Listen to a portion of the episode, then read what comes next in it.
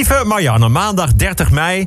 Uh, ja, het was het weekend van de krankzinnige voetbalwedstrijden en alles eromheen. In Parijs was de Champions League finale tussen Liverpool en Real Madrid. En Real Madrid won voor de veertiende keer de Champions League. Voor de veertiende keer. Veel Ajax-spelers gaan naar Bayern München, want ze willen de Champions League winnen. Nou, dan kun je dus beter naar Real Madrid. Dit net zoals met hockey in Nederland. Daar werd bij de vrouwen Den Bosch voor de 21ste keer in 22 jaar kampioen.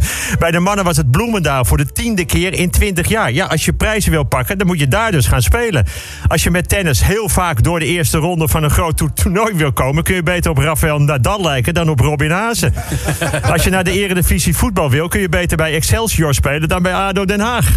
Als je geen vuurwerk in je nek wil hebben... kun je beter in het vak van ADO Den Haag zitten... dan in het vak van de tegenstander. Nou, de Champions League finale. Er waren enorm veel valse kaarten voor Liverpool-aanhangers in omloop... maar dat wisten de mensen met valse kaarten niet. Dus die wilden naar binnen. Maar er waren ook mensen met geldige kaarten. En die wilden ook naar binnen, maar dat kon niet. Omdat er enorme rijen stonden van mensen met valse kaarten. Nou, dat werd duwen. En mensen werden tegen hekken plat geduwd. En we weten wat er dan kan gebeuren. Daar zijn al vaak grote aantallen slachtoffers mee gevallen. Maar wat doen de Franse ME'ers? Die gaan degene die tegen het hek worden geduwd... met brandweerspuiten en traangas te lijf. En dat zijn nou net de mensen die nergens heen kunnen. Dus die worden dan van twee kanten bedreigd. Het is een krankzinnige aanpak. Real Madrid won met 1-0. Dat hebben veel Liverpool-supporters gelukkig dan niet hoeven zien.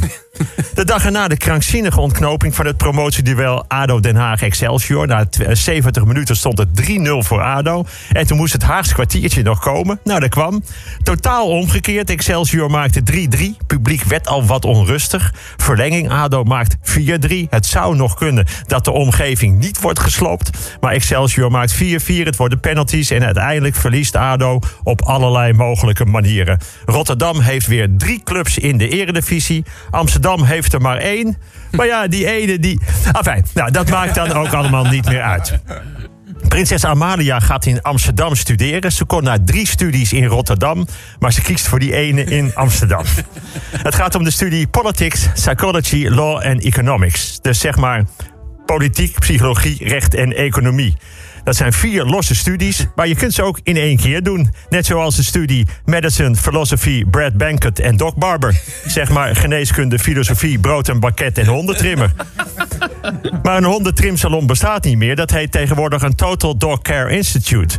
Dat is de plek voor de verzorging van uw hond, maar ook voor een goede koffie en al uw vragen over groene beleggingen.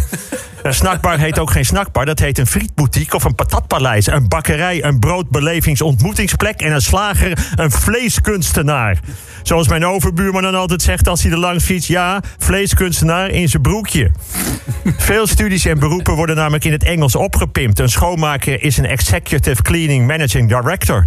De juf of meester van groep 1 en 2 is Head of Childhood Development. En een conciërge, een Chief Assistant Education and School Building Protection Manager. Vroeger kon je met allerlei opleidingen conciërge worden.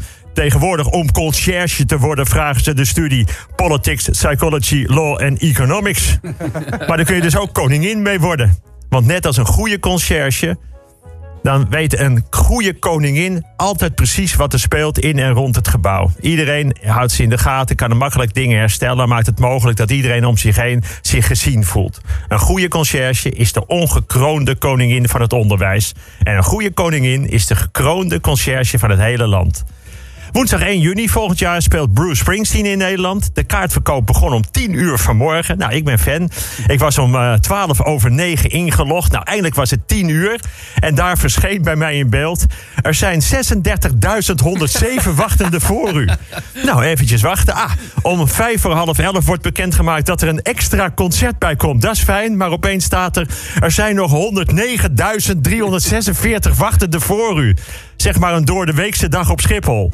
Niet om door te emmen wachten. Na een paar uur ben ik eindelijk aan de beurt. Ik klik de twee kaarten aan die ik wil hebben. Komt er in beeld.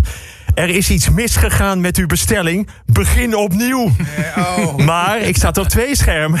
En het andere scherm doet het nog. Nou, weer een tijd wachten. Ja, bestelling kan aangeklikt. Dan krijg ik de plaatsen die u hebt gekozen. zijn niet meer beschikbaar. Als ik op andere plaatsen klik, dan staat er... Het lijkt erop dat er problemen zijn met de website. Probeert u het een volgende keer. Of wilt u anders kaarten voor de voorstelling Vesten met Peter Heerschop? Daar zijn er nog honderden van. Nou, ik zet mijn uh, wachten op Twitter. Daar werd gelijk gereageerd met... Ja, Peter, luxe probleem. Ja, dat weet ik ook wel. Net als een beenbreken op wintersport. Luxe probleem. Je nieuwe dure fiets gejat. Betrapt worden met je tweede vrouw. Aan de scheiterij een bezoek aan een sterrenrestaurant. Het is een luxe probleem. Dat weet ik ook wel. Maar voor dat moment ook eventjes een luxe tegenvaller. Donderdag 2 juni. De hogere prijs in de supermarkt zitten soms ook in de kleinere verpakking. Dan denk je dat je hetzelfde betaalt als ervoor, maar dan zit er minder in. Dat heet krimpflatie. Zie je ook in relaties. Je betaalt hetzelfde, maar je krijgt er steeds minder voor terug. Douwe Bob is voor de derde keer binnen een half jaar vader geworden. In dit tempo heeft hij er over vijf jaar dus dertig. Zijn naam is natuurlijk ook wel steeds een aanmoediging. Het kabinet wil de prijs van een pakje sigaretten flink duurder maken. Tot in 2040 naar 40 euro per pakje. Door de stijgende gasprijs gaan de energiekosten binnenkort omhoog met 50 euro per maand. Dat is dus bijna een pakje sigaretten per maand. Dan moet je gaan kiezen: roken of gas.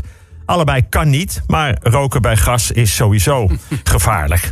Vrijdag 3 juni, vanavond uh, speelt Oranje tegen België. Nou, dat is natuurlijk een klassieker. Ze hebben al 127 keer tegen elkaar gespeeld. Oranje won 55 keer, België 41 keer.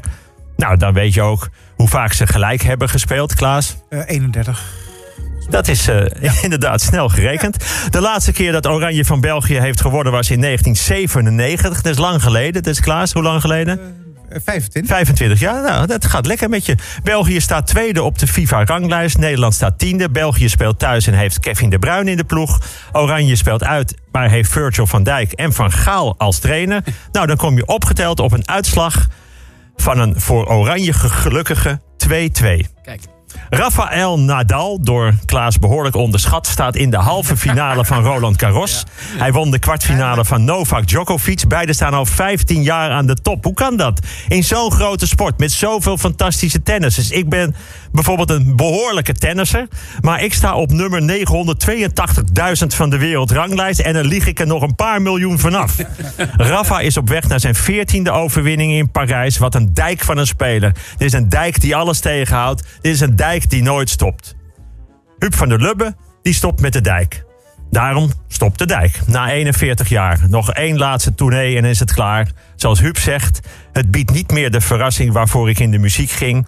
Ik voel er niet zoveel voor om in herhaling te vallen. Dat is toch schitterend dat je dat na 41 jaar kunt zeggen. Dat heb je dat dus 41 jaar niet gevoeld. En wie kan dat zeggen? De dijk in de studio, live, waar dan ook. Het is altijd goed. Altijd een band met een band voor het leven. Het is altijd nu, nooit in herhaling. En dat is door ons gevoeld. Het is niet onopgemerkt gebleven. Ik heb kaarten gekocht voor hun laatste tour. Nou, daar ga ik heen in mijn Bruce Springsteen shirt. en dan zal ik de prachtige dijkzinnen meezingen. Zinnen als, ze kan je laten zweven als je never en laten vallen als een steen. Ik kan van je houden zoals niemand anders kan. Mag het licht uit als ik je in mijn armen sluit. Een man weet niet wat hij mist. En natuurlijk ook deze. Tot volgende week.